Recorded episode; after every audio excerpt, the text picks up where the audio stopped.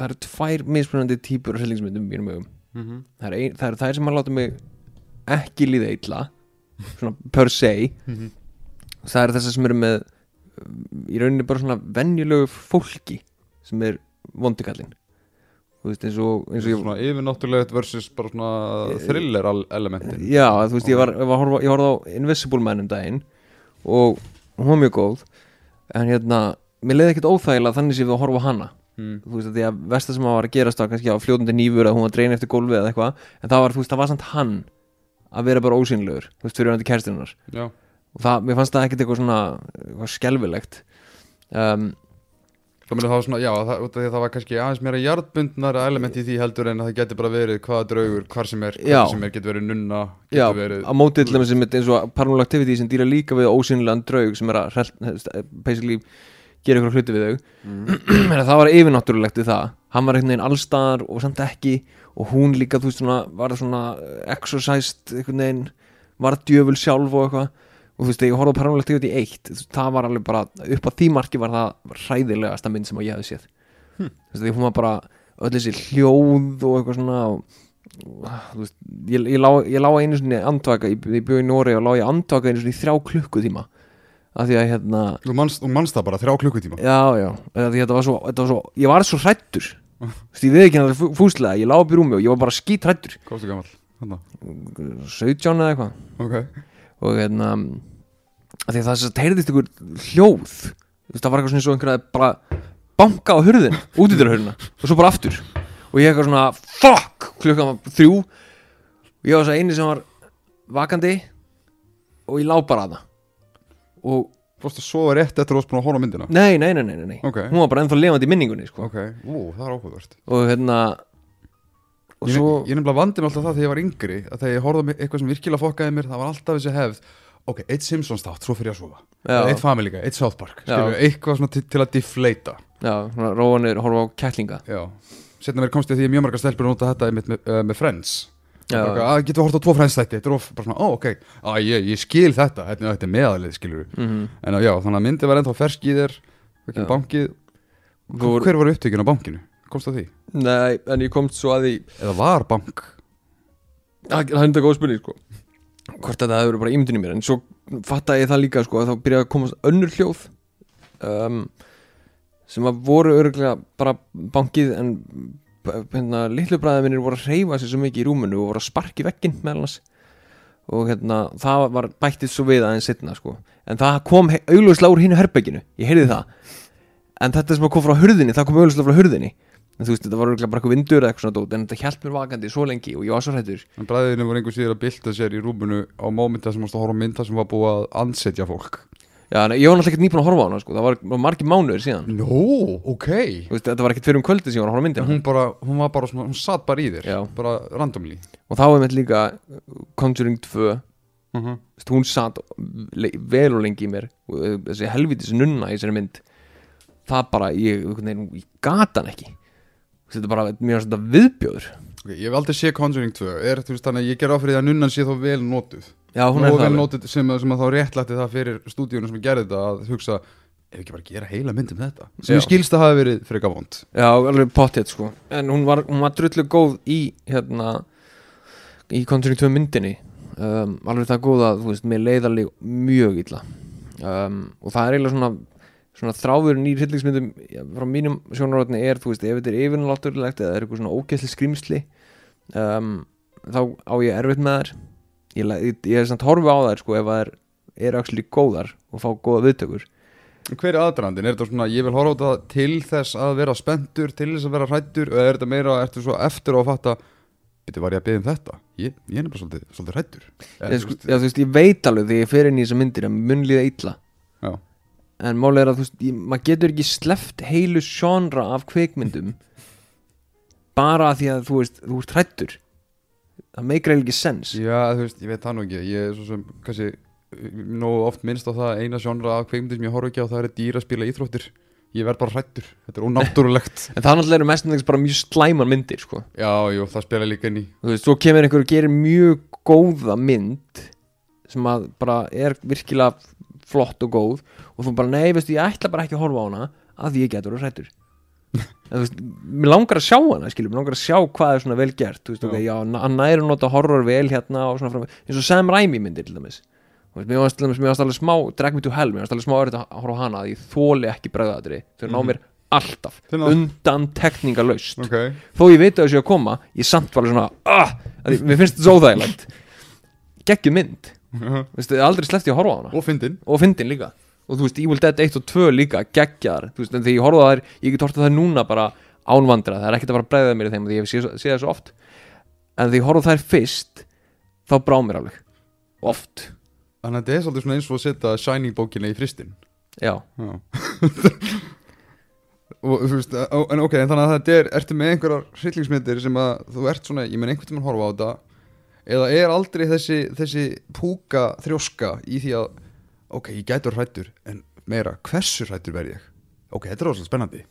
Og svo Nei, bara, hóar í konuna eða vinninu og bara, ef, við ekki tekja svolítið á þessu, þetta er hljómanlega gaman. En það er eiginlega bara tveir ég er ekki með svona mæli þegar kemur að þessu, Já. mér finnst alltaf ekki. Ég er annarkvort bara hrættur eða ekki.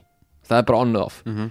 og, og það er svo fyndið sko að hérna, ég horfði á Shining mynd bara, því nefndir hana, ég horfði hann í fyrst skipti já, já, já, alveg rétt, já. þá, þá, því ég horfði á hana þá hérna Þú varst að lesa bókina, svona fyrir samingi hlustandi það ekki? Þú varst að lesa Shining bókina? Jú, ég, hafði bara, ég hafði séð myndina margóft sko. Ég sé hana Já, bara, já, þú ok, veist, það ég, er- mörg, mörg ár síðan Já, ég sé Shining sko, Já. og ég horfði á hana mjög oft síðan þá. En því ég horfði á hana í fyrst skipti, þá vissi ég ekki alveg við hverju ég var að, eða átt að búast. Uh ég, er, að- ég, veist, ég veit að þetta er Stanley Kubrick mynd mm. en þetta er samt trillingsmynd, Það er mynd sem situr í manni. Shit, sko. Hún gerir það. Um, það, eru, það er samt lítið að bregða aðdrum Já. og þú veist, ég horfði á hann alla og ég varði ekki trættur en ég var bara svona, ok, þetta, þetta er frekar veist, þetta, þetta er virkilega vel gert. Það er mjög mikill svona sálfræðilegur horror hérna. Og, og, hérna, og þetta er virkilega góð mynd. Um, en svo um daginn las ég bókina og þú veist, það var einhvern veginn ekkert í henni sem að hrætti mig, virkilega góð bók. Og svo er hún er ég að lesa eitt, ég er búið með meira en helmingina henni, ég er komin að- búið með 700 blaðsur af 1100 og hún er alveg, þú veist, hún er alveg nasti Já, en hún hræði mig ekki neitt. Nei. Veist, en ég, svo myndin, hún hræði mig alveg. Mm. þannig að þú veist, þetta er meira visualt hjá mér. Að því ég er að lesa eins og ég er að lesa kannski eitthvað ógæðislegt atriði í eitt. Eins og atriðið með gömlu konuna sem að breytist í, er, að, það atriðið er í mynd nummer tvö líka. Já. Gamla konuna sem breytist svo í skrýmslið og svona. Einmitt. ég, le, ég sá hérna, í gömli íbúðinni hjá Bev. Já, Já, veist, ég sé það atriði. Ég veit ekki sem myndina baka, ég er að býða með til búin bókina, en ég sé þetta atriði að því að þeir settu það á YouTube og í, já, í trailerin já, sem er samt gamla skjóta því örsnögt inn það er allt öðru í myndinni. Já, ok. Það fríkaði mig út vegna að veist, oft er þetta svo mikið svona pattern anticipation. Já, skilja það sem bara svona eins og það tala um að vita af breiðatreinu. Þannig að þú veist, ég mitt innra sækin að ég kom alltaf bara svona, nei ok, ég sé minnstrið en þess vegna finnst mér cool þegar markasetningi sjálf er að koma, ha, já, já, já. sæk. Einmitt, það er virkilega það er snillt. eitthvað til að vera spenntið fyrir. Þegar ég sá það aðrið og ég hugsa bara, ok, þetta er fucked up. Mm -hmm. Og þegar það kom út þá hugsa ég, ok, þeir eru greinilega að fara bara, veist, ennþá meira í hrylling í uh, myndum og tvö sem ég heyrt að sé ekki, ég heyrt að sé meira grín heldur en hryllingsmynd. Um, en svo, þú veist, ég las það aðrið um daginn. Ekkert mál. Bara, ég las bara, þú veist, þetta er bara orð fyrir orð bara, þú veist, hún er að breytast og verða ógisleg og svo kemst befaði og hún er að drekka blóð og allt er að miklu í kringum hana og þú veist, já, þetta er bara mjög flott presentation á atriðinu en það er ekki að valda mér sem er vanlíðan og þegar ég er að horfa bíómyndar sko. en það, það vekur upp að, veist, og kannski bæði gýrar þetta til þín og, og kannski fleiri er, fólk almennt sem metur góð hryllingsmynd eftir mæli hvar það bregðu atriða þetta er það sem ég hef oft haft ágjur af að, eins og þegar fólk er að spyrja getur þú mælt með góður hryllingsmynd þá fyrst alveg verði ég oft svolítið að spyrja ég náttúrulega hef líka gegnum, eða, í fyrir tíð unni á vídeolögum og þannig og þá bara svona ok uh, viltu vera spennt eða spenntur? Langar þig að líða illa? Viltu fá góða sögu sem er bara óþægileg? Veist, þetta eru svo mismöndi pólar. Veist, ég vil alltaf fyrst bara standa og falla á bara góðri sögu 1, 2 og 3 þá er mér skýt saman hvort mér bregður eða ekki. Já, hitt er bara auka. En á sama tíma ég vil heldur ekki hryllingsmynd sem er bara gerð til þess að reyna að pota mig til þess að bregða Nei, það er einmitt máli, ég nenni ekki að horfa myndir eins og þú veist Lights Out og uh, Slenderman og svona, Mm. bímynda rusl sem Mm. er bara bregðaðri. Það er náttúrulega engin kunst við það að bregða hverjum sem er. Þú getur gert það hvernig sem er Já, já, bara hátt hljóð og allt í hennu byrtist einhver Við, þú slammar skúfu við hliðin á vinnufélaginu með að bara breður hann plainly eða mætir veist í Hawaii skirtu og bara veist, hérna, veist, hendar á honum kartbílpoka, hún er að fara að bregða það sko, en það þýðir ekki það að gjörningurinn hafi verið eitthvað umræðaverður þannig að hryllingsmyndir er alltaf í svolítið mikið tókstræti við þetta sem er þeim mun skemmtilega þá að sjá þegar þú hugsaðar þetta var breðatrið sem að virkaði fyrir sinubygginguna og virkaði fyrir söguna. Mhm. en svo alltaf málega auðvitað líka hafa tísarana auðvitað mátti líka playa með tensionið ah, þetta var bara kötturinn, þetta var bara vinkonun að ringja en trikki er að, en að spotta er það eina sem er fram að færa. Þannig að þú veist, þú veist að tala um að að breðatrið alltaf náð þér. Svona hvers konar óþægindi voru það þau svona sem sátt í þér? Var það svona imageryið uh, á þess að ég finni betur orð fyrir það eða voru það hugmyndirnar? Þetta núna er ég að hugsa um myndin var paranormal Mhm. sem að satt í þér í einhverja mánuði. Náttúrulega þú veist þetta er alveg textbook dæmi um annarkvort eitthvað sem að fólk getur fundist rosalega þund og, og, og svona laust við sköpunargleði eða príma dæmi um eitthvað sem að leifir að leika við ímyndunafliðið Já, það, það sem að þú hugsar og þú fyllir einmitt í eðurnar og þetta gæti að hafa verið svona, svona, svona og ergólíðið mér óþægilega út af því. Þannig að hver var þín óþægindu upplifun í andvökunni? Það er mér eitthvað sem pælingin. Ef þú hugsar um veist, ef það skrif var það þér brá svo oft var það þetta bara þetta fríka mig út eða var það ég var spenntur? Yfir myndinni sjálfur já. Og það er svona afleiðing að áhrifana Sko, myndin sjálf vakti þessa tilfinningu hjá mér að, að- Sko, að því að mér, mér finnst hún finnst það myndin alveg rosalega vel gerð. Mhm. uh, veist, mér, ég er mikill aðtándi þessara myndar og hvernig hún fer með umrang, umfangs, hérna, umræðin sitt og hvernig hún kemur í á framfæri. Og það er einmitt þá líka sko kviknutakan hún er ógeðslega einangrandi.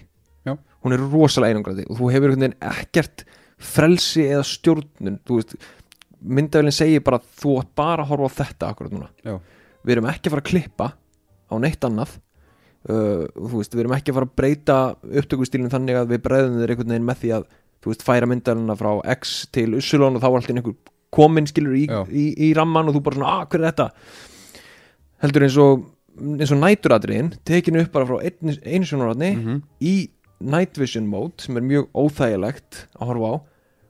Og svo, og svo bara, þú veist, veistu bara ok, ég er með þennan hérna ramma það er eitthvað að fara að gerast inn í honum en ég veit ekki hvað þú veist eins og þá allt í hennu kannski sængin er rifin að þeim eða allt í hennu hún dregin með frá gólfinu skilur og allt í þessum sama ramma og líka í gegnum alla myndina endur tekur það sig að þú veist, þú ert alltaf að horfa á sama ramman út myndina Mhm. þegar þau eru að fara að sofa og þá er basically bara, hvað er að fara að gerast í þetta skiptið já. sem er að fara að koma mér á óvart Ég mér finnst það mitt fyrsta paranormyndin vera með geggjað escalation þegar kemur einmitt að þessari svona væntingastjórn og líka, ég myndi segja að þetta meira náið til meira minimal aspekta af því að og þú tala um að Night Vision er eiginlega bara svolítið svona óþægilegt að horfa á það. Mm -hmm. þú ert með stadíma ramma af bara svefnabergi og, og þetta Night Vision gefur frá sér þess að þetta svona litla uh, pixlaflögt þannig að stundum ertu kannski svona að grannskoða hotnið á einhverju hurð eða mitt sængina og, og myndi spila líka með það að eitthvað svona rétt að reyfast utan ramma það sem að, veist, út fyrir fólki þannig að þetta er ekki bara veist, táin á, á manneskjunni að, að, að laumast út um sængina. Heldur, þetta, þetta náðalega dýpri en það. Ofta er maður bara svona býtu vó,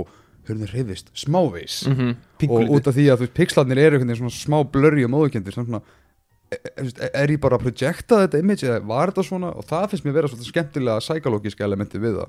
Og líka fyrir utan það að found footage elementi í þeirri mynd finnst mér virka það er alltaf ástæði fyrir því að þau vilja og er að segjast vera dokumentir þetta. Já, þú veist, þetta vandin við svo marga found footage myndir oft bara af hverju eru þið með kveikt á kamerunni? Það er alltaf að finna einhverja tíu ástæði til að koma til, til þess að gefa þessa lógík en nei, paranormal eh, spila vel með það og er einmitt líka svolítið að bæði tísa ótrúlega fucked up concept því meira sem þú veist og líka einmitt já að spila með ímyndurafl sem að er einhvern veginn oftast meira effektiv heldur en heldur en ódýra bregður en þú getur líka látið hvort tveggja virka.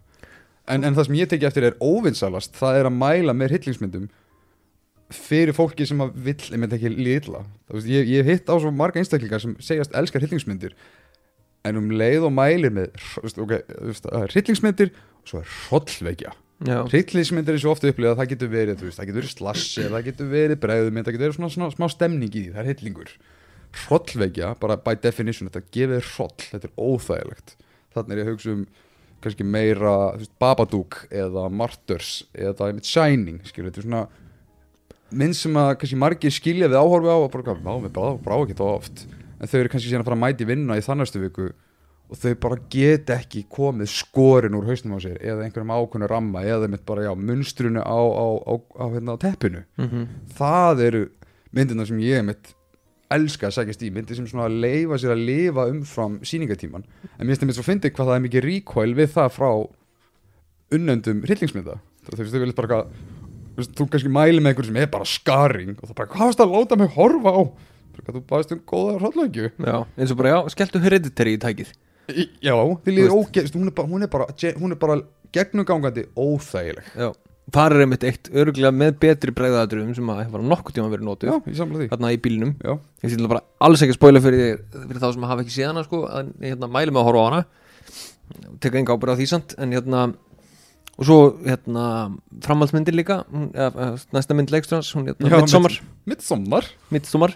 Sem er veist, rosalega effektiv hryllingsmynd sem að gerist öll í hérna hérna um þann tíma sem að sólinn sest ekki. Þú veist þannig að það er alltaf ljós í Já. myndinni. já, þú, veist, það er, þú færð aldrei þetta svona myrkra svona, ó, hvað er gerast, Mhm. ég sé ekki hvað er gerast í myrkrinu og eitthvað svona, mér finnst bæðið að sko, ég er búin að býða örgulega hálfa æfi mín eftir því að einhver hefði myndið taka það og gera það hryllingsmynd. Og þannig að Nolan tók þetta svolítið fyrir líka í just, uh, Insomnia myndin uppræðlega og svo endurgerðið sem var alltaf amerísk endurgerð sem fjallaði um það hvað það var alien concept að fara einhvers staðar út í heiminn og þú finnur ekki fyrir hvenar ljósaskiptin eru eða hvenar nightfall ekki og það er bara psychologically fokka upp Al Pacino. Já, og það minnst þetta, er er svo geggja dæmi um hvað er þetta að nota sem flöð fyrir fyrir horrormynd. Mynd bara svolítið svona everlasting dagurinn.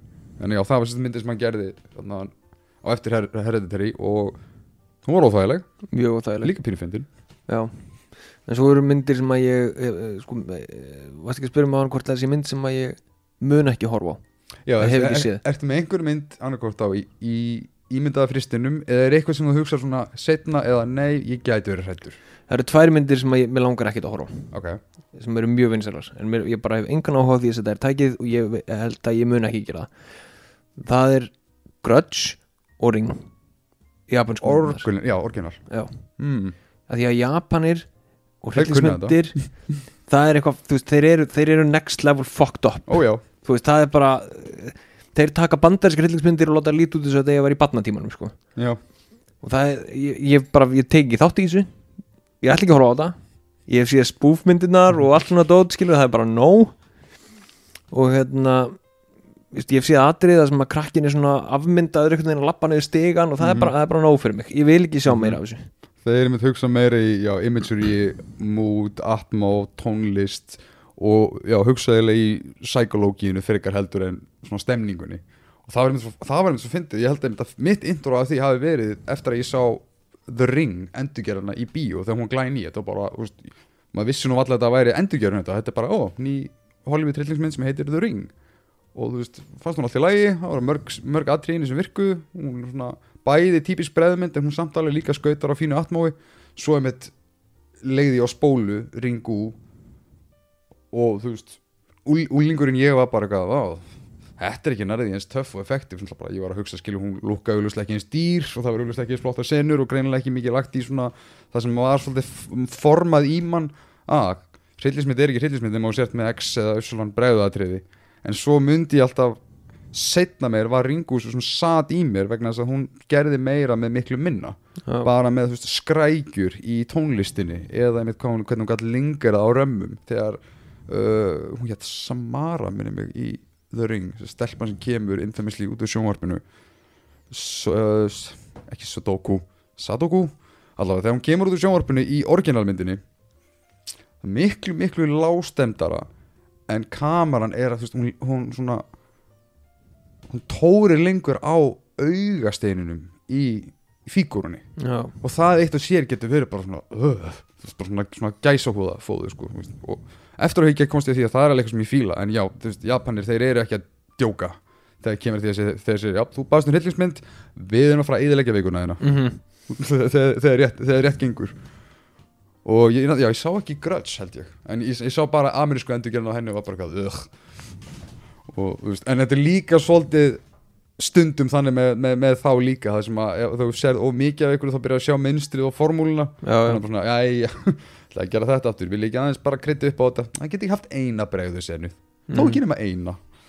En, en það er svo sem allir gangur á því. En, en mér finnst- mjög cool að geta átt svona einhverja eftir sem maður hugsa kannski einn daginn. Það gæti komið svo tími. Já, ringið þannig á mér. Mögulega einhver tíman akkurat núna nei. Og ekki, ekki komandi framtíð kannski einhver tíman Eins bara núna nýlega til dæmis og kannski þegar við vorum búin að tala svolítið mikið um hana líka eða við höfum allir verið að vísa í Shining og þú veist, utan uh, upptöku þá kom upp mynd sem ekki margir sáu sem er frábær hryllingsmynd en ekki samt þessi típiska hryllingsmynd Þú veist, maður þarf svolítið svona að gefa upp svona já en þú ert að mæla með henni. Það er myndin Dr. Sleep. Já, veist, það eru senur í þessari mynd sem eru horrifying og viðbjóður. Mm Þú veist, bara öskurinn í krakkanum á þess að spoila og, og frá miklu bara hvernig hún díla við mút og mitt bara, já, hver, hvernig hún kýsa að nýta sem skot og bara pælingarna sem eru laðir í hana. Og ég mælti mynd með þessari mynd fyrir manneski sem vildi bara góða reytingsmynd og fyrsta sem ég fekk fyrir náttúrulega bara tilbaka var hún var leiðileg já, en þá var náttúrulega eftirvæntingin svolítið byggði kringum það að það þarf að vera eitthvað svona mæla minute tensleiki á meðan þú veist myndin er miklu meira slow burn. Bara slow burn í dag og kannski sennilega gegnum, gegnum tíðina alltaf gískamaður hefur alltaf verið svolítið erfitt sel þú vilt svolítið fá bara einhvern veginn svona rússibanan strax mm -hmm. menna, er ekki, alltaf sé ekki svipið lókið með hryllingsmynda leiki nei, hryllingsleiki. Eða þú hefur spilað mikið á horrorleikjum? Ég, nei, ég á að rétt með á en ég hef ekki lagt í þá mikið sko. Mm. um, nefnilega ekki, ekki ég heldur sko sjálfur. Og fyrsta sem bara poppar í hugan á mér er veist, þessi vinsæli sem kom út annað 2013 Until Dawn og það voru alltaf bara allar hryllingstróps í heiminum sett já, ég, einn spila, pakka. ég spilaði hann Já. það var meira, hann, var- hann, hann var svona uh, choose your own story og eitthvað og Já, já. karakterinn gáttu dáið og meira bara svona eins og interaktiv bíómynd Já, en manstu hvernig þetta var bara þetta var allar klísjur í veröldinni Já. settar í eitt leik basically en svo voru þú veist leikir eins og svo nýjur Resident Evil leikirnir þú veist, sem er í fyrstu personu og þú ert rauninni bara ekkert með neitt þannig séð til að berjast á móti og fólk er eldaði og svona að það er einhvern veginn þessi, þessi svona powerless tilfinning Já, ég get hann ekki. Já, Þú veist, ég get ekki verið með fjastringuna það er eitthvað að elda mig. Og þú veist, ég veit náttúrulega bara að leikurinn ef ég deyð og kemur bara þú træði ekki enn eða eitthvað, veist, þetta er ekki flókið. En það, það þessi, þessi nagandi viðbjóðstilfinning sem að ég bara meg ekki. Það gefur mér risastort minningaskot. Einmitt talandi um hryllingsleiki og bregðu sem að algjörlega psychologically fokkuðu mér upp. Manstu hvernig það var að spila fyrsta Half-Life og helvitis facehuggerinn komi alltaf? Já, Jésús hvað ég hataði þetta. Mm Hvað héti þessi, þessi er svona, ég, ég hugsa alltaf facehuggerinn, þetta var ekki þannig Þetta voru einhvern veginn svona krabba heilar. Já, svona hoppa á þig. þeir hoppuðu alltaf á þig á mómentinu þar sem að líka menn er tilbúin til að skýta á sig sko. já, og ég spilaði sko ég spilaði einn það var, það var eiginlega svona hryllingsleikur sem að skemmti mig. Þetta er eiginlega hryllingsleikur sem að flestir kannast við því að hann var svo ógeðslega, ógeðslega vinsæll á YouTube og eru að horfa á fólk spila annan leik.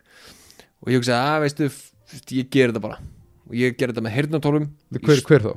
ég, ég, ég, ég, ég, ég, það með heyrnatólum Okay. uh, slökkljósin í hérna Therapía bara. All in. í, í, í fartölunni minni. Og ég sat þarna bara svona veist, mér var aldrei liðið eins og ég væri jafn lítill. Það er hérna Am- Amnesia, The Dark Descent mannst ekki eftir honum? Ég hef ekki spilað hann, en ég man eftir hann Ég man eftir reaction-vídeónum já, veist, er, þessi, þessi leikur er ástæðan fyrir því að PewDiePie er Já. youtuber allra tíma. Af því að það að horfa hann spila var svo skemmtilegt. Og ég veist, ok, fuck it, ég gera þetta bara. Ég, ég hef aldrei ítt jafn oft á escape takkan á tölunni minni. Bara, pása! Og þú veist, ég, og svo afpása ég lappaði eitthvað svona 5-6 skrif, heyrst eitthvað hljóð, pása ég kláraði hann. En frá því augnabliki þá hugsa ég bara, veistu, þetta er ekki fyrir mig. Hmm. Veistu, ég bara geti þetta ekki. Hvað sem komið marga tíma inn, myndir giska? Ég, ég, klá, ég veit ekki hvað ég var lengi með hann, ég kláraði hann frá byrjun til enda. En þú kláraði já, það? ég kláraði hann, Bara í lappanum með slökkljósin já, já. Geggjað. En þú veist, það var einmitt, það er svona mesta þetta er svona powerless fantasía. Já, þú veist, ef þú bara virkilega dyrkar að vera algjörlega valdarlaus með allt á móti er að því að þú hefur, í þeim leik hefur náttúrulega engin vopn mm. og hefur bara ljósið þitt og ef þú ferð í myrkrið þá byrjar að missa vitið og þá eru meiri líkur á að skrýmslið ná þér og svona þannig að þú veist, eina markmið þitt er að lifa af og fara í gegnum þetta allt á þess að láta ná þér Mm.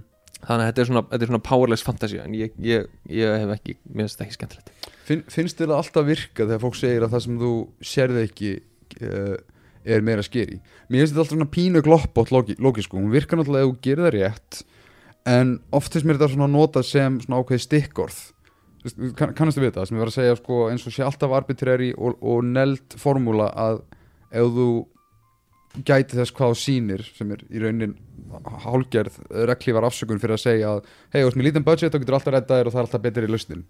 En þú veist, tengir þið við þetta? Svona Jaws þemaðið í rauninni já, þetta er sérstaklega í kvikmyndasamíki þetta er alltaf verið notað við Jaws og, og hefur spunnið upp rosalega leiðilegar klísjur í kjölfáru því að sem að allir leikstjóra sem nota þetta, þeir nota alltaf Jaws logíkina, þú veist, ég meina eins og þryggja tíma King Kong myndin hjá Peter Jackson. Já, Skilur, það er enginn að segja að, að, ég, sé ekki fyrir mig hvernig það stendst veraldar lögmál að King Kong mynd á að vera meira en þrý tímar sem er endurgerða mynd sem var, hvað hundra einmitt. í, í sami sést hvað var gert við atbyrður á karakterina sem var í raun ekki mikið. Og þú veist, þú vorst að horfa myndina í hvað klukkutíma á 10-20 myndur loksis er apinn kominn og allir svona kvikmyndagjara perjarnir sem, sem að leggja í þannig build-up þeir eru alltaf bara, já, náttúrulega Jaws skilur sko. en þá gleymist líka að Jaws var það eins og hún var ekki vegna þess að þeir hugsuðu frá upphafi hei, í handritunum við ætlum að geima með sína hákallin mannstu af hverju þeir síndi ekki hákallin? Bara ekki dúkkan biluð eða eitthvað bara forljótt líkan af hákalli sem þeir Já. vildi bara sína sem minnst reyndi einhvern veginn bara allt í kringu reyndi að klippa sig í kringum það og jú, jú, dúkkan, ég mitt, hún var alltaf að bila og þeir voru bara, ok, við verðum eiginlega bara að gera þetta svona. Og svo náttúrulega kemur eiginlega svolítið John Williams og reddar þessu með, með tónlistinni. Mm þannig að þetta var eiginlega óvart að einhverju þekktasta kvikmyndatrópi allra tíma og, og, og maður sér þetta endalust gert. Það sem bara, já, ef að titlaða skrýmslan, eða titlaða skrýmslið eða hetjan hvað það er, kemur sendin í myndin það var alltaf svona, ah, já Jósaðferðin, já, vel, vel púlað Já, á meðan þú veist og en já þannig að er mín pæling er að mér er svo finnst, finnst þér eins og þetta sé algilt að það virkar alltaf að sína ekki hvað var þetta við nei. Mér finnst það líka geta verið mjög ódýrt. Já, ég, það er alveg Þetta er gott að mér með King Kong myndina gömlu sko. Mér finnst hún til dæmis alveg hörmulega leðileg En svo fannst mér þetta samt virk gömlu, hérna, Jackson myndina. Já. um, Þá nýju verandi Kong Já. myndin. Uh, Og ég er náttúrulega nýbúin að horfa á hana. Ég kom mér verulega óvart að það voru 20 mínútur inn í myndina Já. þá er Kong búin að rústa ykkur um 5 þyrlum og og þú ert búin að sjá hann í allir sinni dýrð og já sama með mynd hérna Godzilla King of the Monsters var bara eitthvað, þú veist, Gareth Edwards gerir mynda sem bara "Á, nei nei, ég ætla bara að sína þér fæturnar á Godzilla í góðar 70 mínútur. Svo kemur King of the Monsters bara heyrðu góði, við þurfum ekki að gera þetta svona. Ég ætla bara að byrja á fokking títanískum stórbardaga. Já, bara að fólki er komið fyrir þetta. Mhm. Velta náttúrulega sjálfsögðu sögunni og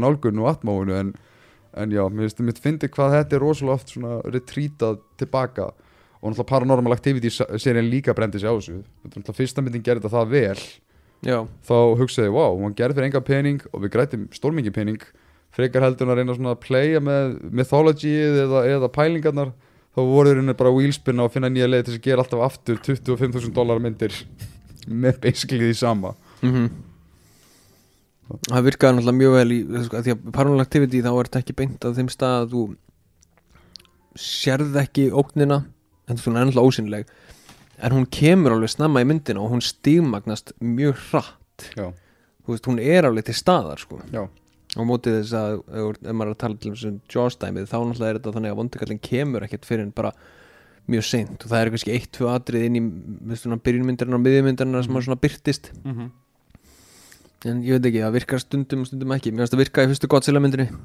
Ég var reyndar alveg hrifin á þeirri mynd mér finnst það ganga upp. Fyrstu Godzilla myndir í Þú veist, ég svona þannig Gareth Edwards Já. mynd, 2014. Já. Mér finnst hún alltaf fín sko, það var hún frábær í 40 mínútur þá getur að Brian Cranston kvarni myndina. Já, bara. Var frábær í sístu 20 mínútur restin er bara dött loft. Já, það er svona minningi mín af henni þegar Aaron Taylor Johnson er basically bara hæ, ég er hérna aðal karakterinn hérna sem eftir að myndir bara, æ, nei getur við ekki, þú veist, getur við ekki látið Elizabeth Olsen verið, verið prota- protagonistan í staðinn, nei, ok, hún er hinni megin yfir, yfir landið og, og, först í vinnunni, já, við erum bara först með þér Aaron Taylor Johnson.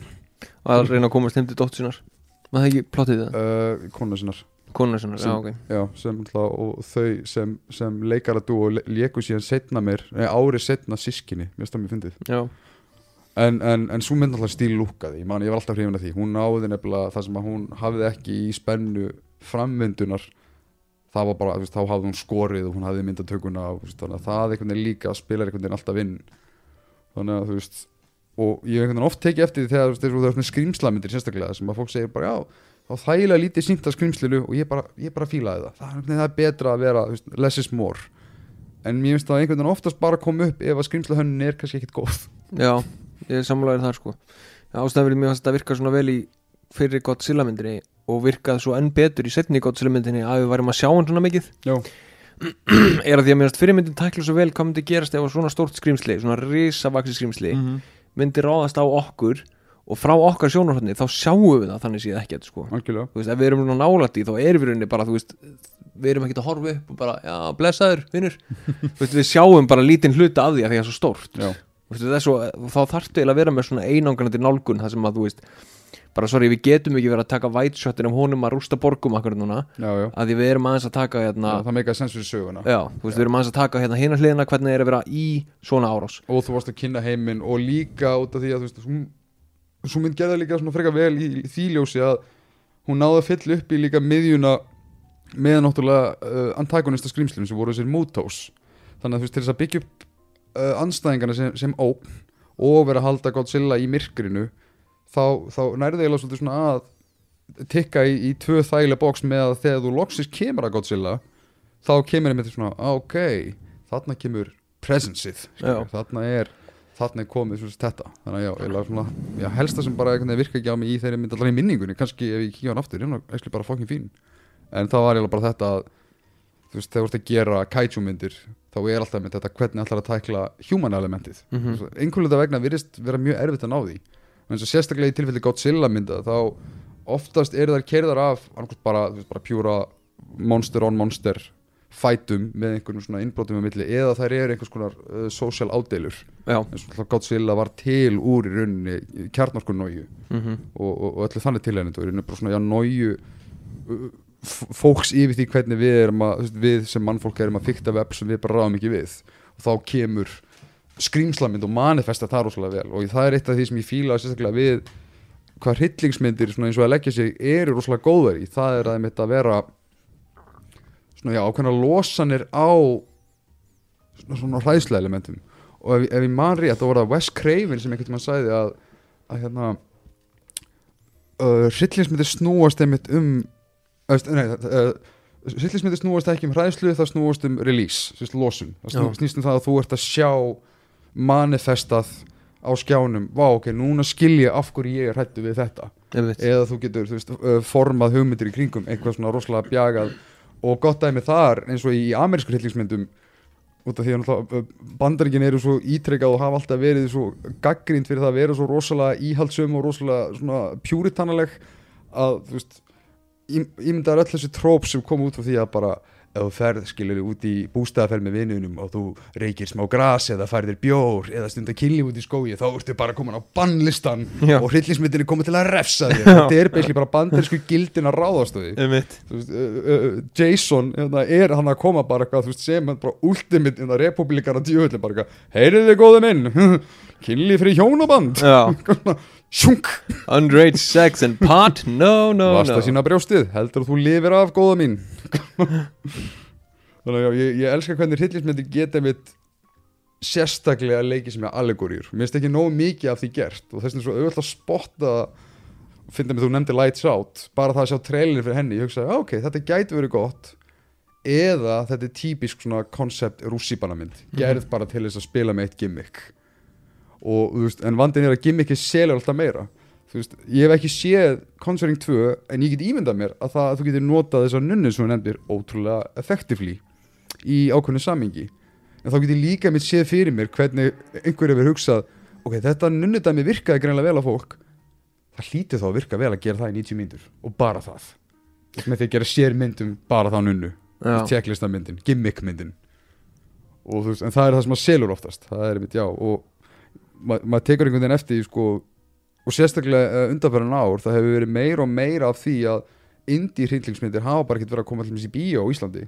Stu, ég, nú er ég að spóla alveg sko um 5-6 ár aftur í tíman Stu, við fengum ekki It Follows í bíó. Nei. Sem er samt, það er arti ég hef hort á hana þrísvar hún, hún er alveg eflug sko. Já, en, en, en hún er mitt fitta svolítið svona í, í þetta svona millibox með það að well, maður hugsa, well, myndur hún ekki virka góð kráti? Jú, en hún er samt meira óþægileg heldur en stemning. Já, og það, veist, það er alltaf stemningin sem selur. Það er fyrst mér einmitt vera mjög leitt. En það mætti líka bara endurspegla það að það er kannski fleiri sem hugsa ég vil svona smá smá svona losun svona, já, nú ímyndaði mig þig með þarna, já, þú veist, hó- hókin yfir fartöluna í, í, í, í, í myrkrinu að taka þetta, þetta all-in skref. En það er svona það má gera ómikið bara, bara, bara smá losun. Mm þannig að þannig að það, já, það, það, það er svona áhugaver það er með rosalega just, ef að fólk vil taka póla og hugsa ok, hvernig er góður horror gerður versus hvernig er slæmur horror gerður? Og þá eru þessar tvær myndir Conjuring 2 og Nunnan eða The Nun þar eru rosalega Villuna góð dæmi. Að því að það er eftir með sko eina mynd sem að nota nunnuna mjög vel og að því að hún notar hana hún notar hana alltaf spart. Mhm. og því það er annað illmenn í myndinni það er ekki Já. bara nunnan, það er hana kallinn sem á húsið sem þið búi Já. Uh, ég vissi alltaf það að þetta hafi verið bara svona þróa í dæmi sem svo uh, bara varð að sína í universe dæmi. Svipað með Annabelle. Annabelle var alltaf bara hvað einn rammi í Conjuring og svo var- eru það þrjármyndir já, með mitt þannig að þú veist.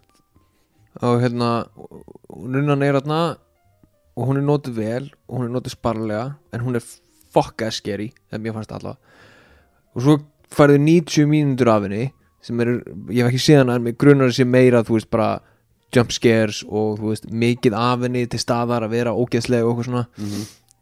Og þá allt í henni byrja, þetta virkar ekki alveg jafn vel. Þetta er ekki af gott. Ég það er líka öðru sér myndi ég giska að ef þú ert að horfa bara einhverja sögu og þú veist, þú ert með svona nelda stefnu og framvindu í huga og svo bara allt í henni kemur fucking villinunna framan í þig. Já, en þú ert að horfa heila mynd á býstuðnunni sérstaklega ef þetta er kannski frá þú veist, lesser kveimningarmanni þá er þetta bara svolítið svona já, æfingi því hversu ofta þú getur geispað. Mm bara ekki, já, já, ég veit að það er núna einhver staðar já, ætlum sé á bakvið borð, já, hann er hún. Þannig er nunnan. En, mynd, en myndi þá bregðu senan virka á þig, meiri segja að þú veist á hún er ódýr. Ertu aldrei, ertu aldrei þú veist, svona skrefin og undan og bara, nepp, ekki núna ekki núna bíómynd. Jú, ég veit alveg, þú veist, eins og ef þetta er eitthvað svona mjög slæm bregðadur, ég veit alltaf að þessu að koma en þau ná mér samt alveg. Mm. þú veist, þau, þau ná mér ekki að ég var svona að ég var svo hissa, mér er bara bregður. Þetta er bara svona eins og að láta klappa í eira á sér. Að veist, er, að, þessi slæmuatrið er alltaf þannig að það er alltaf rosalega hátt eitthvað. Já, og það er bara svona BOOM Mm. og það, veist, ég bara kipp mér upp það. Já, þannig að fólk hefur oft ég, ég hef oft verið dregin í bíó á hryllingsmyndir bara þess að sá sem dróðum með vill bara fá sýta við hliðina á mér. Að að það finnst, finnst manneskinu sem er að draga með finnst myndir skemmtilegri að því að ég seti hliðina á henni. Ég, vilja þetta haldi hendurna sín líka. Já, veist, það er bara því að ég er hoppandi í sætinu mínu á kortisvesti og það er bara rosa fyndið og gaman Já, og, Já, ég meina bara það. Þú veist, fólk dregur mig með sem hluti af sýningunni að því að mér líður svo bara svo augljóslega illa og er hoppandi og er bara sitjandi þannig bara svona nei, nei Þú veist, ég er þess að er alveg það slæmur að þú veist, eða koma trailerar fyrir sildingsmyndir sem eru kannski hend út ykkur bræðadröfum þá byrja ég strax bara svona, ok, ég veit hvað er að fara að gerast og ég veit að líka minn er ekki að fara að taka vel á móti þessu. Þetta er svo, þetta er svo að fara á okkur skyndibita sem hún veist að endar í sko niðurgang nokkur tímum setna þannig að þú svona, ok, þú veist, ég er bara þarf bara að byrja andlega að búa mig undir þetta og... en hérna voru ekki konar eitthvað spurningar fyrir okkur? Jú, svo- svonarlega Ég bara Ég, fa ég fastur á sér villinunu Alltaf því ég sé póstir fyrir það nönn þá hugsa ég alltaf hann að villinunu veiðarnar í fósbærum já, já, já, Þetta er 90% byð en þegar það er koma þá fyrir allir svona, þá er allir fjandinn laus. Þannig að hérna, en já, við uh, feng, já, það, það, það, kem, það kemur stöku fyrir við fáum skemmtilegar tillögur og spurningar sem að sendast á kveikmyndir.kveikmyndir.is eða einfallega bara, það má pestir okkur á Messenger eins og, eins og þið viljið. Og það er alltaf rosalega gaman. Og kemur þetta merkilega óvart við fengum hérna frá Hauki ótrúlega marglaga spurningu eða spurningar inn í topic.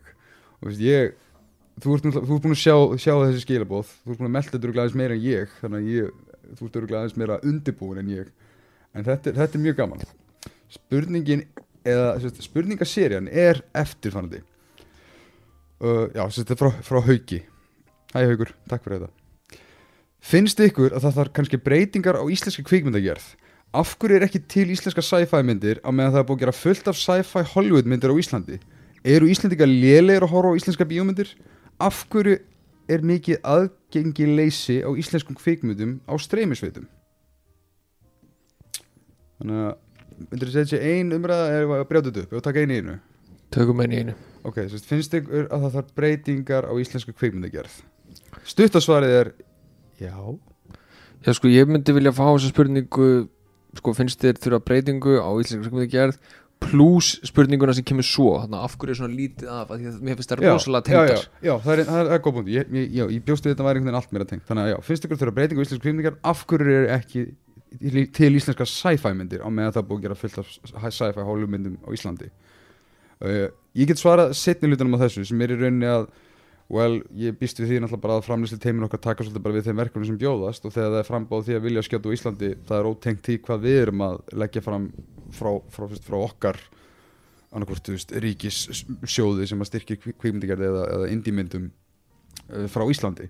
Þannig að það er svolítið aðskilið. Það, hefur, hefur ekkert leint sig að allavega á síðasta áratug basically frá og með hvað var það, að- já, 2000 við, við, fórum yfir í gegnum þetta í heilum þætti það ekki, basically svona 2010-20 þú veist, það var bara önnur hver stórmynd var bara með Íslands setting, mm -hmm. þú veist, hvað sem hétt Oblivion eða Noah, Interstellar bara, þú veist, nefndu það. Og það er náttúrulega mjög augljóst svar við því að landið okkar er mjög sci-fi legt sko. Ef, þú tekur það upp í réttu sjónarhóttni og með kannski réttir litapallettu þá getur þú farið í rauninni bara þú veist á svart, svörtu strandirnar eða út í óbyggðina og þú ert komið rosa mikið sci-fi setting sko um, ég held að málið með íslenskar kvikmyndir við séum ekki að taka sci-fi sé mjög einfalt í grunninn. Ok. Það er auðvitað að ræða þetta mjög mikið en, en þetta er held ég bara fyrst og fremst peningar. A. Kvikmyndasjóður Íslands styrkir bara x mörg verkefni á ári. Þau fara þá annarkvort til Balta eða Ragnars eða í litlar ódýrari myndir um, sem að eru kannski með aðeins einfaldari framvindu og eru líklegri til að fá peninga veist, og, og meðaðsölu í kvikmyndahúsin. Já, að búa til sci-fi mynd eða hryllingsmynd eða ævintýramynd kostar bara ógeðslega mikið. Við erum rosalega fá á þessu landi og við eigum ekkert svona stórt VFX teimi ég meina, ég meina það fyrir svo sem eftir. Ég meina ég, ég hef verið sérstaklega ánægð með uppbyrju svona í flóru í- veist, indie sci-fi mynda í veist, bara eins og uh, einhvern veginn vegna fyrsta sem myndi eftir er Ex Machina já, já, það, er, það er náttúrulega bara húrrandi sci-fi mynd en hún er, veist, hún, hún, er sparsum á konseptin sín, veist, það er mjög stór konsept en þetta er ekki eitthvað sem þú þart mikið umfang eða brellu fyrir. Og mér veist, mér veist það er svolítið, svolítið kannski kjarnin í þessu er að af hverju eru við ekki að nýta meira ástæð til þess að geta sagt svona genremyndir án þess að hugsa að við þurfum peninga í það. Þú veist, skilur við, ef, við ert með myndum miðaldra þunglindan, drikkfeldan mann einhvers staðar út á, veist, út á Dalvík bara að grenja í 90 mínútur af hverju má hann ekki grenja við því að það er mögulega veist, eitthvað að fara að ráðast á hann skilur, við. það er svona kannski meira pointið veist, Mhm. af hverju ekki nýta meira svona abstrakt og svona surrealism og bara svona, og breyka hugmyndir þannig að ég býst við að haugur sem meira að pæli af hverju er kvikmyndagerð í Íslandi svona einsleit og af hverju er við svona hrætt við að fara út í meira svona far off concept í kvikmyndum? Og sci-fi er alltaf gott dæmi um eitthvað sem er Já. en þá getum við náttúrulega farið sko í menninguna að sci-fi er náttúrulega mjög mikið bandarískar myndir. Og koma margar frá bandaríkjánum sci-fi, hvar færðu hvar færðu annað, þú fær kannski frá frá Breitlandi en með mest mest meginn þess að sci-fi dótið kemur frá bandaríkjánum Mhm. þú veist, Star Wars, Star Trek allt þetta dótið kemur mest meginn frá bandaríkjánum og ef þú skoðar menningu bandaríkjamanna þá ertu náttúrulega með þetta rosalega alien svið þarna, Area 51 í sko 40-50 tímabilinu í bandaríkjánum já, og þú er með rosa mikið pulp fiction og þú veist þetta og þetta from outer space og þú veist dýrkunn er á að komast til tungsins og, Mhm. og, þú veist, svona, og þannig dæmi Mhm. sem er alltaf rosalega rótgróðið í þeim já. og þau er náttúrulega svo mörg að þú ert með svo mismunandi menningar heima á mismunandi pa- karaktera á dót og það er náttúrulega alltaf þannig að þegar fólk er að skrifa þá skrifar alltaf það sem það þekkir Já, líka bandaríkin alltaf líka textbók bara dæmi um fólk sem hefur lengi díla við sínofóbíu Það er líka svolítið gott um hvernig það manifesta sig í mitt, já, hræðsluna við þið óþekta Já. Og meðan að þú veist Íslendingar og þú veist núna langar mig að taka Bara við erum svo rosalega vingjallega við alla, alla inn, hérna, inn alla. Alla sem að koma, koma að okkar landi. Við erum svo, svo velkomin. Já. En hvað sagði það? að, hérna, uh, að þú veist hérna erum við náttúrulega það sem að okkar saga er er basically bara hvernig eigum við að lifa af á þessu landi. Já, um, við því tekur þunglindi drikja langar nætur nýju mánuði ársins og þú veist, hvað ef að fiskarnir okkar eru geislavirkir? Ég, meina, þú veist, ég er geðveikt til ég að fá og ég held að þú veist ein, myndir sem hefðu auðveld að geta gerst hérna á þessu landi og væri hægt að taka upp íslenskar útgáður af á þess að stela þeim beint Mhm. er eins og hérna Cloverfield framhaldið. Holy Já, shit, svo mynd geti virkað svo vel á Íslandi. 100% Þú veist, það er bara einfalt konsept, hún gerist í kjallara heima hjá okkur gæja og hann er bara, þú veist, ok, ég er nájaður það, það er heimsendur að núti og þú veist náttúrulega aldrei í myndinni, er já, nákvæmlega eða þú veist, er þetta bara geðsuglingur og mér veist, það er náttúrulega pínu leðilegt að myndi þurfa að heita Cloverfield til að þurfa að svara því en það er náttúrulega geðveikt að þú veist það sé verið að daðra við annarkvort eða sko. já, algjörlega. Um, en þá hérna Þannig er þetta bara búin að taka mjög svona innilokaðan thriller gefa því smá edge sem er alveg hægt að gera fyrir kanil á Já. Íslandi. 100% og ég held að samt hérna það ég, endur ég, ég er svo spekla að- sig. ég, ég er svo fein að það er setni Cloverfield myndum ég, ég fekk bara svona glefsu af hérna þú veist skrýmsli að fara í gegnum miðbæinu og skólaverustíðin og bara, ó nei, hann er að klessa Hallgrímskirkju. Ah, eina stóra húsið sem hann getur klest á. Hann er að fara til lotturninum þannig að þú veist, já en ég ætla, ég vil meina samt að sva, stærra svarið við þessu er að þú veist, af, það fittar inn í fyrir partuna þessar spurningu, fyrst, fyrst þurfa breytingar í íslensk kvimnigerð, uh, já, aftur stuttu svarið er já, 100% sem leiðir af sér náttúrulega allt aðrar pælingar líka sem er þá já, hvernig, hvað það meira af. En til að svara af hverju er ekki íslenska sci-fi myndir gerðar? Og eins og Sigurjón kom inn á með, þú veist þetta er ríkistyrt bara x mikið á ári oftast og það er, það er, það er erfitt, það er mjög erfitt að gera íslenskt indie. Og það sem ég veginn með við flökkusögur og, og reynslusögur það er að maður heyrir oftast bara það sama, það er risaður að, að sjá um KMI og, og það, er, það er alltaf það er fátt sígildara heldur en risaðileg mentality sem hugsar nei, þú veist, sci-fi og svona er bara fyrir krakka, skilur, þetta er búið að vera alveg síðan bara, þú veist, bara síðan Stanley Kubrick kom með Space Odyssey, það var þú veist, bara eitthvað svona einhverjum gamlir prumpukallar sem bara eitthvað svona hvaða vitleisa er þetta, Mhm. tala um ekki fokkin Star Wars þegar hún kom það fyrst, jú, þessi batnaefni er þetta skilur, og meðan þú veist, það getur verið artistic value í góðir pop-up-þreyingu þannig að ég held að þetta sé meira bara jú, ok, þetta getur líka verið svolítið vilji fyrir að reyna að vilja komast á allar hátíðir alheimsins með hverja einust íslensku mynd já, og oftast er er einhvern veginn svona mýta að það þurfa að haldast í hendur að það verði að vera eimd og alvöru hádrama.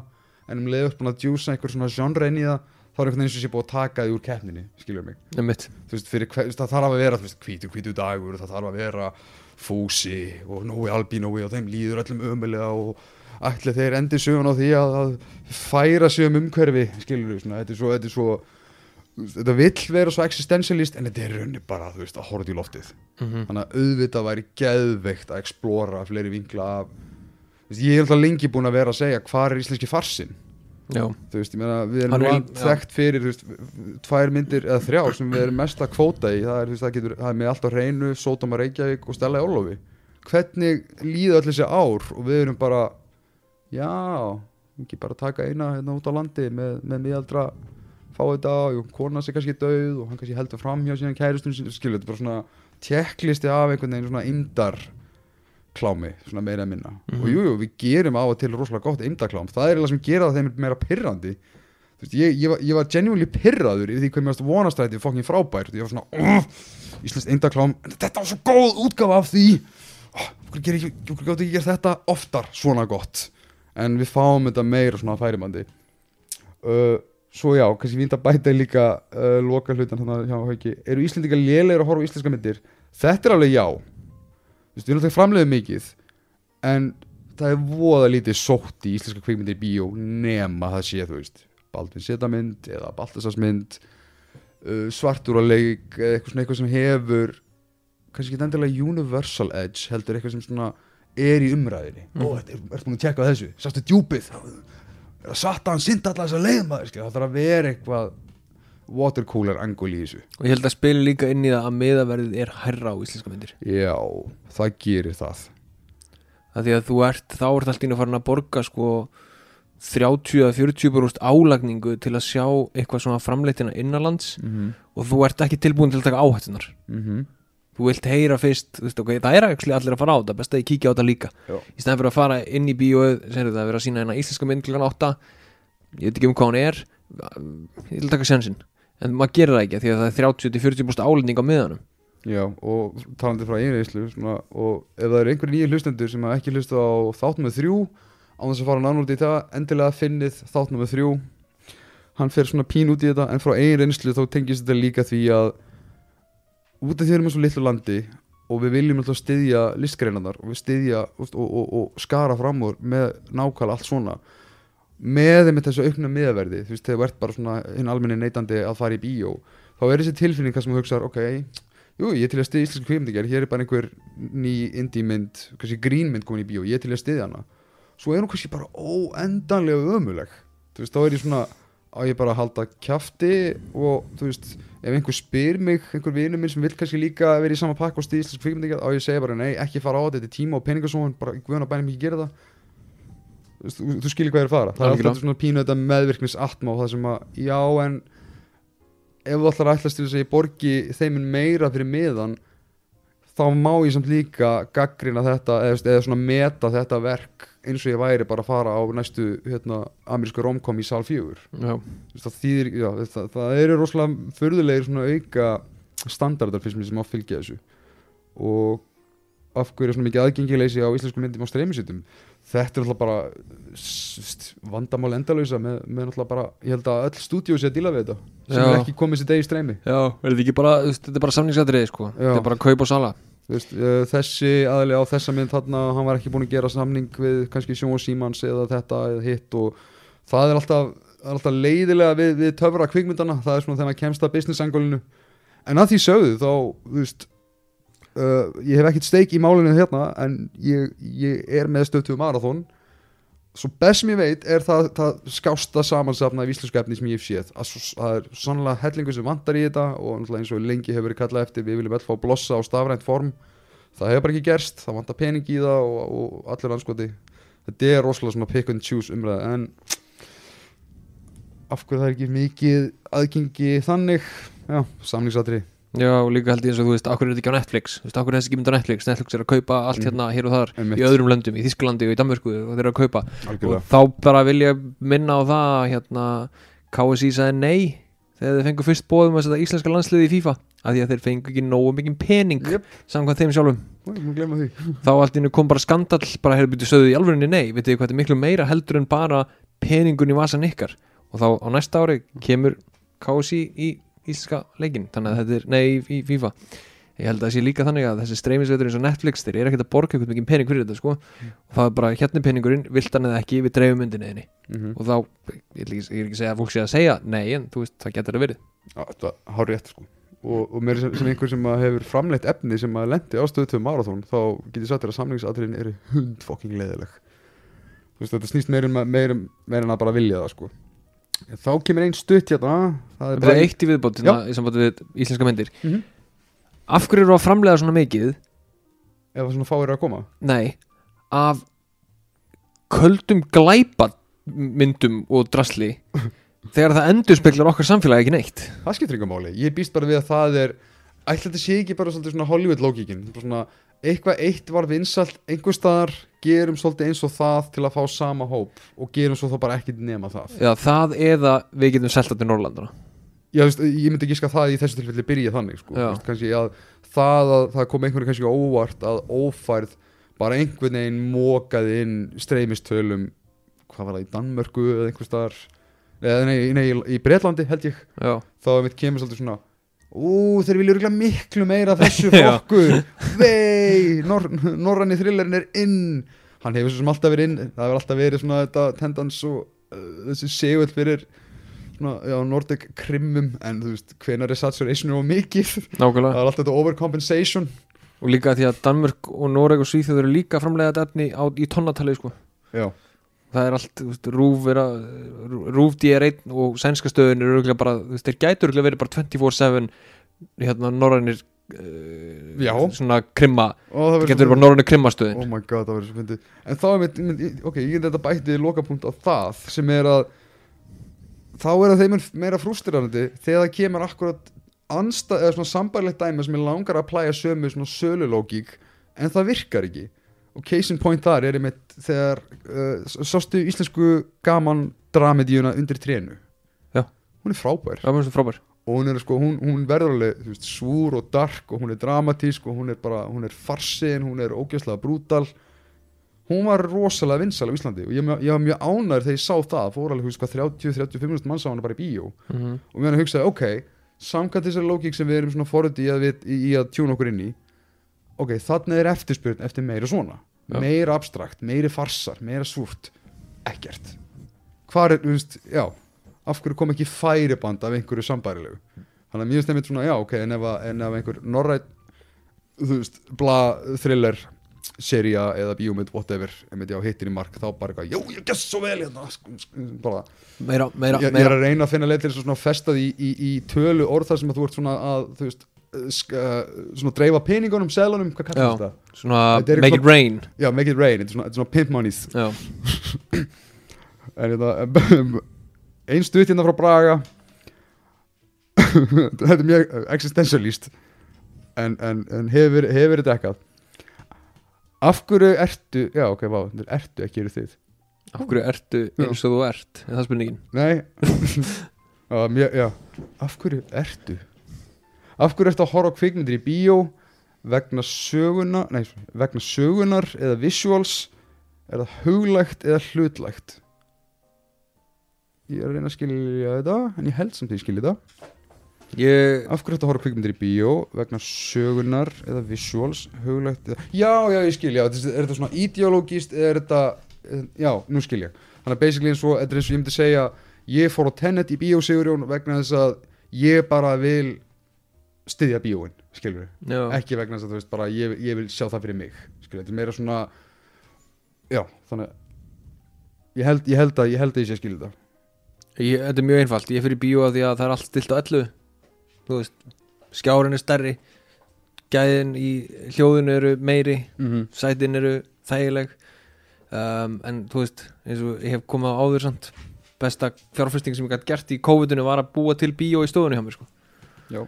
Ég hef ekki fundið mig knúin til þess að fara í bíó í langan tíma eh, í núverandi ástandi þú veist, einhvern veginn bara með allt. Ég frekar sitt í heimi á mér en að vera með grímu og bla bla bla og eitthvað svona. Já, líka við hefum talað aðeins um þetta líka sem er að ég er samanlega akkurat öll öll þessum punktum bara, ég vil ég vil gigantískan skjá ég vil vera umkringdur hljóðrás ég vil, ég vil finna poplíktina ég vil finna fyrir því að ég er ekki að stýra síningatímanum sjálfur. Ég get ekki pásað. En við hefum líka talað um það í þaular að þetta er rosalega rúlletta hvort þú hittar að góðan sali ekki snundum líka. Uh, 100% það hefur alltaf líka svolítið verið svona stundum þessi, svona, þessi, þessi bobbi sem maður spila inn þegar þú þessi ákvörðun og, og mér minnir að þú hefur nefnt þetta í fyrsta þættinum okkar sem er að til dæmis bara ef ég ætla að fara á veist, Wonder Woman 80, 84 þú veist, myndir er tveir og hálfu tími?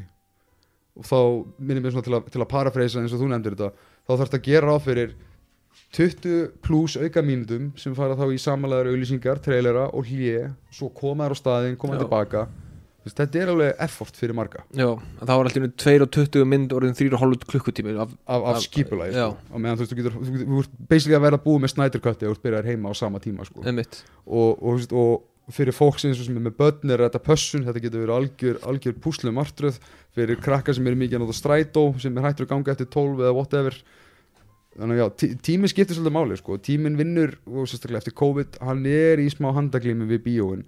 En hug, uh, huglægt eða svona ideologíst ég vil aldrei að að möguleikin um kvikmyndaupplifuna hverfir en þú veist, ég get ekki gert óreinsa væntingar ef að það mun breytast eða morfast í einhverju, einhverju formi. Og, og mín svona marstrar útgáfa af framtíðinu af þessu er að, er að setna mér muni bara sjá kvikmyndahús sem verða allmest bara ah, þetta er svona Disney bíó, sína bara Disney og Marvel myndir. Nei, Netflix bíó, skilur og mér finnst það eitt af leiðilegasta líka við uh, transitionið.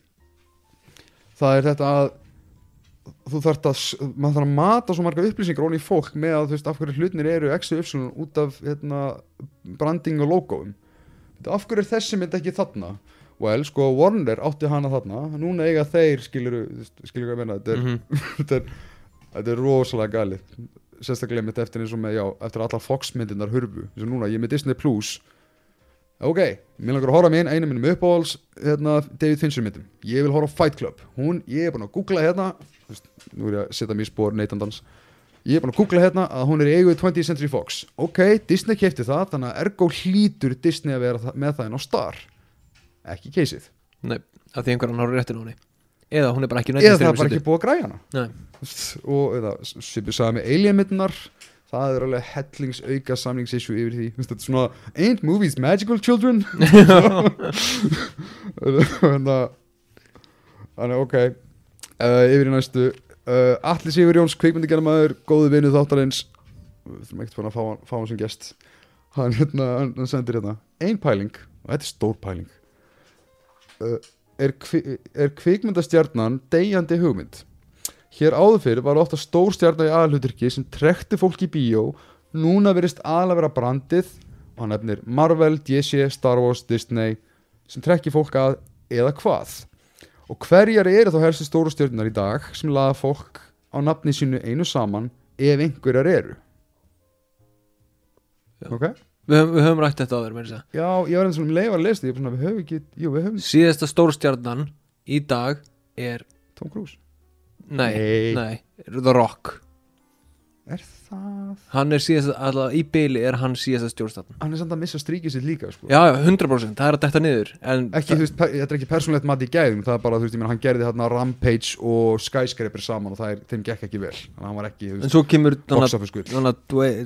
Fast and the Furious myndin sem er alltaf líka hluta þrýl af stærra samhengi. Já. En hann er þannig 100% af síðustu stórstjörnum í heimi. Mér finnst það eiginlega að velta mitt á því hvort að viðkomandi stórstjarnar geti brotið brandregluna. Tom Cruise er nefnilega, hann er dottinn svolítið þar út fyrir. Einu svona var tímbila sem að Tom Cruise eða Will Smith gáttu bara verið alhauturkum og myndin var að fara að opna sama hvað. Mhm. Julia Roberts mér sér líka á tímbili það við tölum um Pretty Woman að við fórum að taka upp. Og svo kemur bara brandtestið og, og með Tom Cruise. Ok, ég ætla að gera mitt eigið þetta mummy. Þetta er ekkert brand en hann er reyna að gera svolítið svona sitt thing. Þetta er ekki, þú veist, þetta er ekki Mission Impossible. Þetta er ekki marg establisher að brand. Og fólk hafði engan áhuga. Hann gerði Oblivion, risastór sci-fi mynd tekin upp á Íslandi, þittar inn í umræðuna. Engin áhuga henni hún var líka ekki góð. Og þú veist, Jack Reacher. Nei, fólk yppir öxlum, fólk vill bara sjá þig í brendunum þannig að The Rock á bara greinlega að vera í Jumanji eða DC, Black Adam eða hérna Fast and Furious og þannig að já, í rauninni svona til að suma upp hvernig allir er að koma að þessu er einhver sem að fittar billið þetta er megastjarnar í dag. Ekkert endilega í bíósamíki bara hver, hvað þetta er í hug? Hver er bara svona, wow. Bara í alvörunni Jú, þetta reyndar í Þú hug við getum hérna. sagt Nicolas Cage sem, sem cultural meme fígúra sem allir þekkja en það er ekki sama dæmið. Nei, ég held líka að, að þessi ofurstjörnu fílingur á leikarunum hafi hægt rólega fæst yfir á leikstjórana. Það var alltaf, mm þú veist Spielberg og, og, og, og svo framvegis en ég held að það sé ennþá meira núna heldur en það var. Ég vona það, ég veist það alltaf að, að meina þú veist eins og með þetta í hug uh, þú veist Nolan alltaf þú veist það veit allir hver Nolan Já, er já, og já. fólk hver á Nolan myndin það skiptir ekki máli hver að leikið um, fólk hver á hérna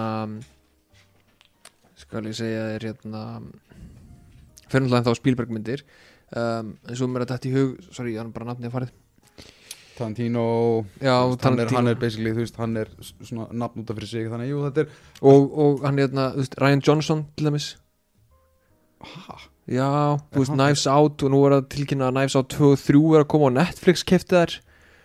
Það var, Mm. það var alltaf svona stórar eftir, þú veist, Last Jedi og, og þú veist, það er veist, meiri áhersla á að þetta eru myndunar hans á meðan að, þú veist, þetta er ekki hérna, Daniel Craig myndir. Já, við erum fann að sjá meira front push á, þú veist, visionary sérstaklega direktorum.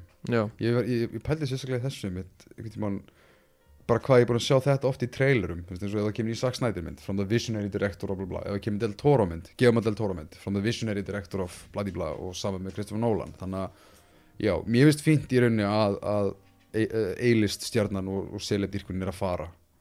Mér finnst það bara, það bara nöðsilegt og fínt og þá getur fókusum meira á talentið og hvar þá að heima frekar heldur en að veist, ég var alltaf bara fundamentally hugmyndafræðilega á móti því konsepti að kannski stúdíu hugsaðar, ok, við ætlum að gera svona medium range mynd uh, við höfum 50 miljónir til þess að gera hana.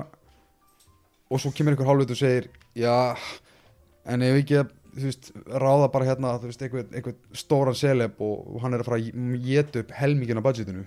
Bara, þú veist, og þá þú veist, minkar ísvásetin og allt hitt. Mm allt bara undir pretentioni að þeir eru bara að hugsa um að opna myndina en ekki dreifa kostnæðinum á því hvað sem að sagan eða framherslan býður upp á. Er mjög gott að það sé ekki eitthvað dominerandi áhrifavaldar í sérstaklega, í sérstaklega leikara. Á þess að gera lítið við leikurum en þetta er bara, þetta er, já, collaborative effort. Það er líka einmitt ástæðan fyrir í nefni The Rock að því að síðustu 14 fimm- til 15 ár er hann búin að vera bara mjög steddi og það er í rauninni þú ert ekkert að fá neitt range þú ert bara að fá rock. Og hann brandar sig fyrir utan myndirnar líka menn að hann rukkar mann ekki verið að vera eina að tvær miljón dollara til að auðlýsa myndina á Instagram. Já, af því að hann er brand. Já, ég held líka að svona aukin umræða með representation og auki, aukna fjölbreytni hafi líka alveg vel og nöðsynlega spilað hann inn. Og gott dæmi þar er að þú veist uh, til bara, bara síðustu 5 til 10 árin eitt stærsta nafn einn stærsta leikonan bara ever hefur lengi verið Scarlett Johansson.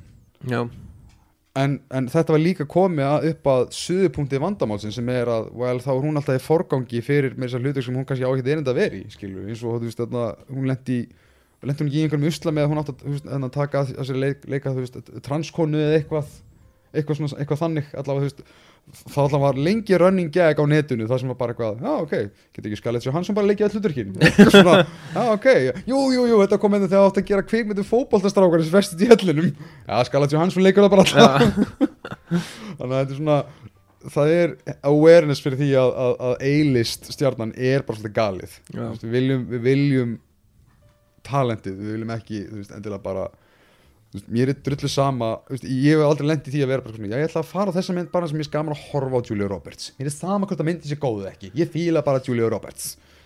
Ég, ég lendi þú veist ég veit ekki hvort ég hafi sagt þess að sögu í þessu podcasti samt, en hérna ég fór einu sinni á mynd með honum hérna uh, Waterworld. Kevin Costner, Kevin Costner. Mothman Prophecies og það var mynd sem kom fyrir einhverjum árum síðan sem að líka út fanga sem var að sleppa úr fangelsi þetta var svona eina af þessum myndum sem hann var að gera þegar hann var að koma aftur. Uh, allavega, hún kemur út. Ég vil sjá hana, ég fyrir með félaga mínum og við fyrir í Sambjóin Three Days to Kill? Já, ég gæti verið, var Eh, Íslandingur í henni? ég man það ekki. Nó albinu, já ok. Já, ég man það ekki.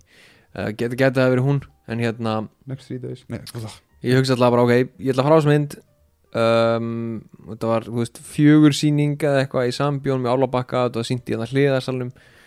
Ég lappi inn með félagum mínum og það eru bara tvær aðra manneskjur á myndinni. Mm. og það eru tvær svona miðaldra konur sem, Nice. sem eru á svipum aldri og, og Kostner Já, já. hafa greinilega alist upp með honum og Ó, hvað það er krútlegt og svona gerir sér kvöld svona, ekki, Þær eru mættar- dást á honum svona eins og back in the day skilur já, þær eru mættar á Kevin Costner mynd. Það er ógslag krútlegt þær eru ekki mættar til að sjá einhverja bíómynd, skilur þær já. að, koma til þess að Kevin Costner. Já, já. og það kemur ennþá meira í ljós þegar myndin byrjar og þær eru með audio commentary í Nei. myndinni. Æ, og það snýst ekki um myndina það snýst um það hvað flottur Kevin Costner er. Ok, ok og þær eru reglulega, við erum kannski svona 6-7 sætarinn frá þar og þá heyrist bara alltaf reglulega úr þeim ó, hann er svo flottur. Já, guð, hvað Kevin Costner er myndalegu maður. Og þetta er bara svona gangandi í 90 mínútur, reglulega heyrist í þeim bara, ó, guð minn almáttugur hvað maðurinn er flottur. Ég fór alveg sko, ég, ég, ég tók alveg gjössamlega á svo stundin tíma 1.80 byggðu þess að þær voru með running commentary. Og svona, ó nei, um það hvað hann er flottur. Ó já, Já. þú veist mér, mér er sama þótt ég væri að horfa nýju þú veist, eða, þó ég var að horfa á Tenet ef ég myndi upplifa svona, og þetta er svo persónulegt og þetta er svo, það er svo Já, það er svo, það er svo mikið stakes í þessu Þetta líka sýnir svona saminninga kraft kvikmyndana einhvern veginn svona á, í svona tærasta leveli. Já, ég, ég kann að með það uh, Ég ætla að enda á einni spurningu svona rétt á að við kallum þetta gott. Mér finnst þetta reyndar mjög gott og þetta tengist svolítið svona því sem við höfum verið að ræða og það er Guðni Teitur vinur minn sem, sem sendið þetta inn og ég var alveg svolítið stopp þegar þessi spurning kom. Og þetta því að til að gefa smá ingang á þetta við erum búin að vera svo mikið í svona, svona IP branding í síðustu, síðustu ár. Eða bara svona ára raðir sem er þú veist, það er alltaf verið að endurvinna nostalgíun okkar þannig að hvað er rými fyrir, fyrir nostalgíu næstu kynsluðar, skilja mig? Veist, það, er veist, meina, það, er ekki, það er ekki þetta að láta neitt í friði. Terminator-serían fær ekki að deyja. Star Wars mun aldrei að enda. Veist, allt sem að var einu veist, þríleikur en núna í dag bara orðin að lámarki extension með síðan sjónvarsþáttum og öllu. Þannig að, þú veist, þannig að svo lítið svörum fyrir eitthvað annað til þess að móta sína eigin nostalgíu fyrir, fyrir næstu einstaklinga og til þess að svona kom kommentir á. Það sem Guðni spurði er hvað er eftir í dag til að gera spoof af? Þú vorum að tala um spoofmyndir. Einmitt Veist, ég, ég og Guðni vorum að tala áður um spúfmyndir þannig að í kjálfærið ég fór að, fór að senda þetta. Út af því að veist, við vorum að tala um og, og þetta myndi mig líka umræði sem ég held að hafi verið og hvort það að bíófíklum, ég man ekki. Það var um sérst, spúfmyndina Not Another Teen Movie. Og við, við höfum rætt í þættinu hvernig spúfgeirin var drepin meira minna mm og því að veist, það hefur verið svo margt til að taka hvort sem það hefur verið að já, gera grín að ákveðnum slasher formúlum, overhitju formúlum franchise formúlum en basically ef þú myndir ímynda þér, ok, við ætlum að gera spúfmynd hvað er hægt að taka fyrir? Í dag? Í dag, þegar, veist, þegar við erum að, við erum að regurgit þetta svo mikið af eldarstöfi ég menna, þú veist, einhvern veginn að koma, hei, getum við gert hérna Mandalorian er rosalega vinsælt, erum við gett að gera Star Wars spoof, þetta er meina svo Spaceballs. Heyrðu, hérna, eitthvað svona ég veit ekki. Augljósa svarið er framhald af 30-40 ára gömlum spúfmyndum uh, Spaceballs 2 Svona- Búm, vandamál leist svona legacy cool Nei, ég, er bara, ég er genuinely að pæla í þessu. Bara svona hvað í Vantur okkur ekki avatar spúfmynd vestra, nei. Það okkur vantar hann ekkert. Nei, ég meina þú veist, Hot Shots gerir grínað Dances with Wolves. Já. þannig að þú veist, eins og veist, þetta er það, er- það er mikil endurvinnsla nema kannski, þú veist, sumst það er í sjónvarpi. Ég meina, jú, það er ímislegt frumlegt að núti hellingur, nógu mikið til þess að gefa manni von. Jú, jú, þú getur hlaðið í hérna, einhverja jumbo spúfmynd til þess að stæla allar Nolan-myndir gera hann í einhverju svona flögtandi IMAXi og, og veist, vera að spila með það en veist, ekki, þú getur gert grínað ég, ég bara, ég, ég, ég genuinely bara kjafstopp, ég veit það ekki. Hva, hvað er hægt að gera spúf af í dag? Vegna þess að, þú veist, það er alltaf að tala um það að spúf verður til þegar eitthvað er komið að suðupunkti eða svona að svona tegju og slitmörkum. þú veist, uh, Scary Movie og í rauninni Scream tóku slashermyndirnar vegna þess að þú veist, þarna var bara búið að sapnast upp svo mikil haugur af bara hvað Jesus hvað er mikið klísja Jesus bara, vá, ætlar enginn að kommenta á þetta? Eða bara að sætta okkur við þetta? Austin Powers eðilega James Bond. Já, sem er enn finnar vegna þess að James Bond í, al, í sinni alvarlegasta fór sinni að herma eftir Austin Powers mm með því að gera blófeld og hana bræðurum þannig að já, það er búið að taka Bond þú veist, alveg aftur og baka áfram bæði með Austin Powers og Spy Hard og fucking Kingsman þess vegna. Þannig að Ég veit hvað við gerum Eða hvað er það er búið að taka Fast and Furious öruglega illa, það er hérna, Jason Friedberg, Selsaberg hann að hálfvitarnir eru alltaf eitthvað að gera í sínu hodni en hvað? Það er þetta spúfa íslenskar eimdamyndir Já, við getum, já, Já. ok það er smærri skali en, en, en I, I like where you're going sko, þetta er, þetta er góð pæling Þegar það er búið að gera grína í vinsalastað fara bara í aðeins svona, fara bara að framlega litlar spúfmyndir í öllum löndum. Búa bara til svona umbrella dæmi. Þannig að spúfmynd á Íslandi spúfmynd í Danmörku bara spúfmyndir hér og þar. Já, svona, svona minimæsa hver, hvert niche meira minna. Já. þú veist, þú get, það er ekki þetta að spúfa shared universe myndir eitthvað þannig. Það er ekki þetta að spúfa þú veist uh, juna, það er búið að taka norrænu krimma thrillerina alveg út í gegn. Það, veist, það er heitt núna. En svo náttúrulega held ég líka að spúfið hafi í dag færst miklu meira yfir í veist einstaklings creative dæmi, svo mikið á YouTube. Já, ætli það ekki, það ekki bara svona instant lotion nefnit í því. Þannig að, jú, það er kannski eitthvað til í því.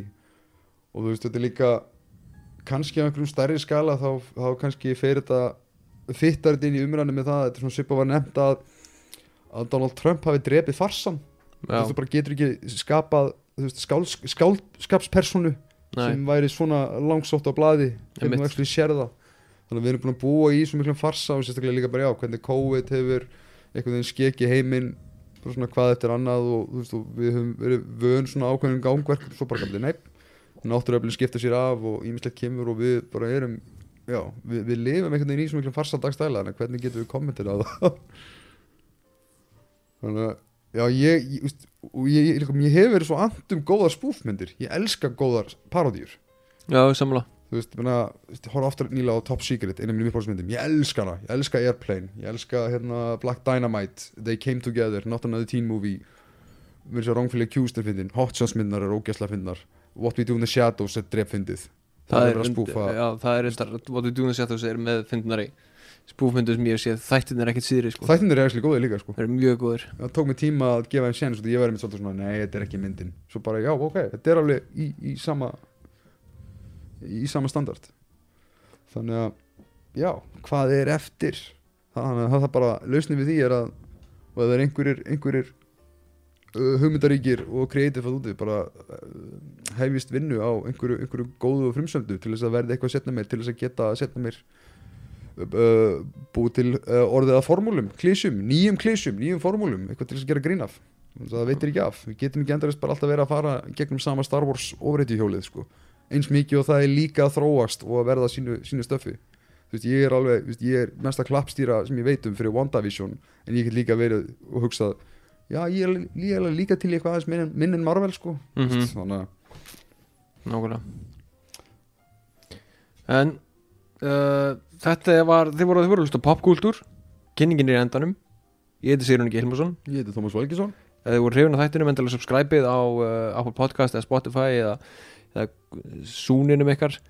Um, Hendið svo líka í 5 stjórnur review ef þið eru ekki að góða skapið það myndi hjálpa okkur mikið að skrifa ykkur gaggrinni uh, minnum á að hérna tökum öllum ábendingum, spurningum eða, eða tillögum í, í gegnum kveikmyndir.kveikmyndir.is eða bara farið, farið í stækjunuglerið í Messenger skrifaði Thomas Valgesson og bara pestiraði mig á Messenger, mér finnst það bara gaman. Já, bara senda skilabóð, whatever. Hvernig sem það getur komið þessi kosmosið þá mm, bara þá getur næst.